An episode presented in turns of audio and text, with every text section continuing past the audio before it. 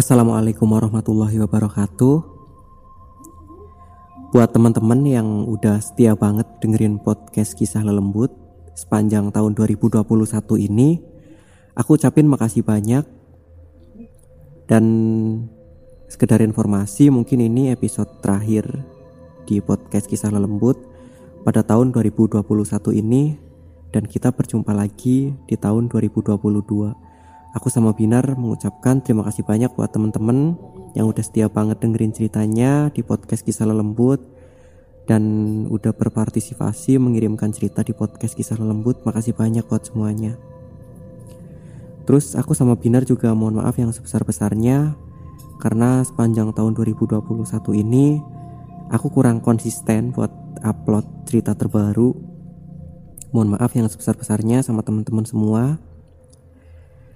Dan buat teman-teman yang kemarin merayakan Natal, aku ucapin selamat hari Natal buat teman-teman yang merayakan dan selamat tahun baru buat kita semua.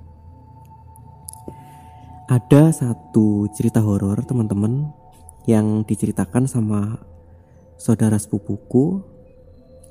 Dia namanya Mbak Win dan cerita ini dialami sama temennya Mbak Win namanya Anita. Jadi setelah lulus SMA, Anita memutuskan gak lanjut kuliah. Dia ingin ke Jakarta dan dia ingin mendapat pekerjaan untuk membantu perekonomian orang tuanya. Karena di Jakarta Anita hanya kenal dekat dengan Mbak Win, akhirnya dia memutuskan untuk minta tolong sama Mbak Win dan suaminya buat mencarikan pekerjaan. Singkat cerita, akhirnya Anita mendapatkan pekerjaan yaitu menjadi kasir di salah satu supermarket di sana, di daerah Cibubur sana ya. Nah, selain minta tolong buat dicarikan pekerjaan, Anita juga minta tolong sama Mbak Win dan suaminya buat mencarikan kos-kosan sampai akhirnya Mbak Win pun nggak terlalu sulit ya buat e, mencarikan kos-kosan untuk Anita. Karena Mbak Win udah bertahun-tahun di Jakarta sana dari Mbak Win masih gadis sampai sekarang anaknya udah berusia sekitar 13 tahun ya. Mbak Win menetap di Jakarta. Nah singkat cerita Akhirnya Anita pun berangkat ke Jakarta dan dia mulai kerja dan mulai tinggal di kos-kosan itu.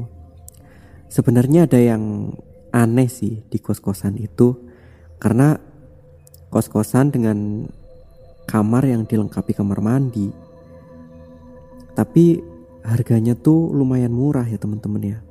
Jadi nggak semahal kos-kosan yang lainnya. Walaupun Mbak Win tahu kalau kos-kosan itu tuh emang kamarnya ada yang kosong gitu. Satu kamar kosong dan gak ditempati selama bertahun-tahun gitu. Karena Mbak Win juga kenal sama ibu kosnya gitu ya. Tapi Mbak Win nggak tahu uh, sebabnya kenapa kamar itu selalu dikosongkan gitu. Dan baru tahun ini mau ditempati sama si Anita gitu.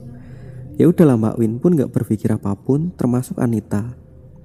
Hari itu dia mulai nginep di kos-kosan itu dan gak ada hal apa pun yang dia rasakan. Cuma kalau malam dia ngerasain panas gitu ya Anita menganggap itu sebuah hal yang wajar gitu ya karena emang udara Jakarta panas gitu kan. Terus udah dia mulai kerja hari pertama berangkat terus sore pulang paginya berangkat lagi masih belum merasakan apa pun. Sampai di suatu malam Anita kebangun karena dia tuh bener-bener ngerasa kepanasan gitu. Kok panas banget ya udaranya? Kayaknya emang butuh kipas angin nih gitu kan. Dan Anita baru berencana besok mau beli kipas angin gitu. Dia sambil bangun dari tidurnya dan dia berniat buat uh, ngelepas baju gitu ya. Namanya juga apa namanya satu kamar sendiri. Jadi ya uh, lepas baju pun oke-oke aja gitu walaupun cewek gitu kan. Dia berniat pengen lepas baju dan cuma pakai tank top doang gitu sama celana pendek karena saking nggak kuatnya udara yang panas gitu ya. Udah akhirnya dia lepas baju terus dia berbaring lagi gitu. Nah dia tuh masih ngelamun enaknya beli kipas gantung apa kipas yang ditaruh di meja gitu ya sambil ngeliat-ngeliat ke atas gitu. Kalau kipas gantung nanti harus minta tolong sama orang nih buat masangin ya nanti minta tolong sama Mas Ian aja gitu. Mas Ian itu suaminya Mbak Win ya teman-teman. Nah waktu Anita lagi ngeliat-ngeliat di atas ternyata di ternit itu ada uh, pocong teman-teman. Ada pocong yang posisinya seperti tertidur tapi nempel di ternit ya. Dan dia itu mukanya tepat menghadap ke arah Anita lengkap dengan kapasnya yang menyumbat hidungnya. Dan kapasnya itu katanya gede-gede gitu teman-teman. Anita teriak-teriak kan? Dia teriak-teriak minta tolong tolong tolong tolong gitu. Ini ada pocong gitu. Sambil berlari berlari keluar kamar gitu. Dan sontak ya teman-teman yang satu kos sama dia tuh langsung kebangun dan langsung uh, apa namanya langsung nolongin gitu setelah dicek ternyata pocong itu emang udah nggak ada gitu. Pocong itu udah nggak ada. Dan paginya Anita itu uh, cerita sama ibu kos. Dan emang katanya pocong itu udah menempati kamar itu dari dulu. Dan ini buat yang kesekian kalinya uh, anak yang kos di kamar itu dilihatin sosok pocong itu. Dan dia uh, akhirnya tiga hari keluar gitu ya. Jadi di malam ketiganya gitu pocong itu bakalan menampakkan diri di uh, nempel di ternit ya. Menampakkan diri sama anak kos gitu nempel di ternit gitu. Posisinya sama dan katanya pocong itu udah berkali-kali mau dipindahin tapi nggak bisa gitu. Jadi auranya itu apa? Aura negatifnya itu terlalu kuat teman-teman. Jadi nggak ada orang pintar atau paranormal yang berhasil memindahkan pocong itu dari kamar itu gitu.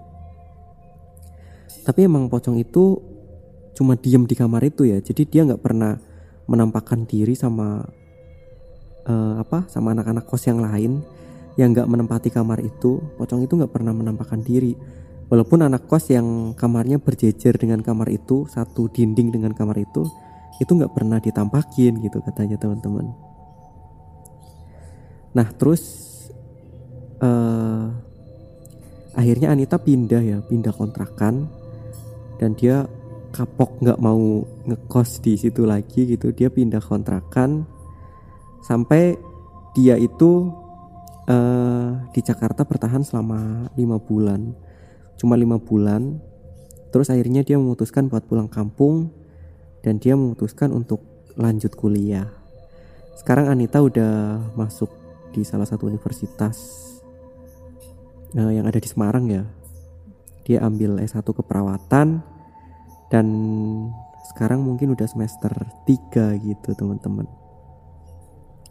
Nah mungkin itu salah satu cerita yang dapat aku bagikan di penghujung tahun 2021 ini. Sekali lagi aku sama Binar mohon maaf yang sebesar-besarnya apabila selama ini kurang maksimal di dalam membawakan cerita di dalam membacakan cerita dari teman-teman juga uh, kurang oke okay, apa gimana. Aku minta maaf yang sebesar-besarnya. Begitupun juga dengan Binar. Terima kasih buat teman-teman yang udah dengerin. Wassalamualaikum warahmatullahi wabarakatuh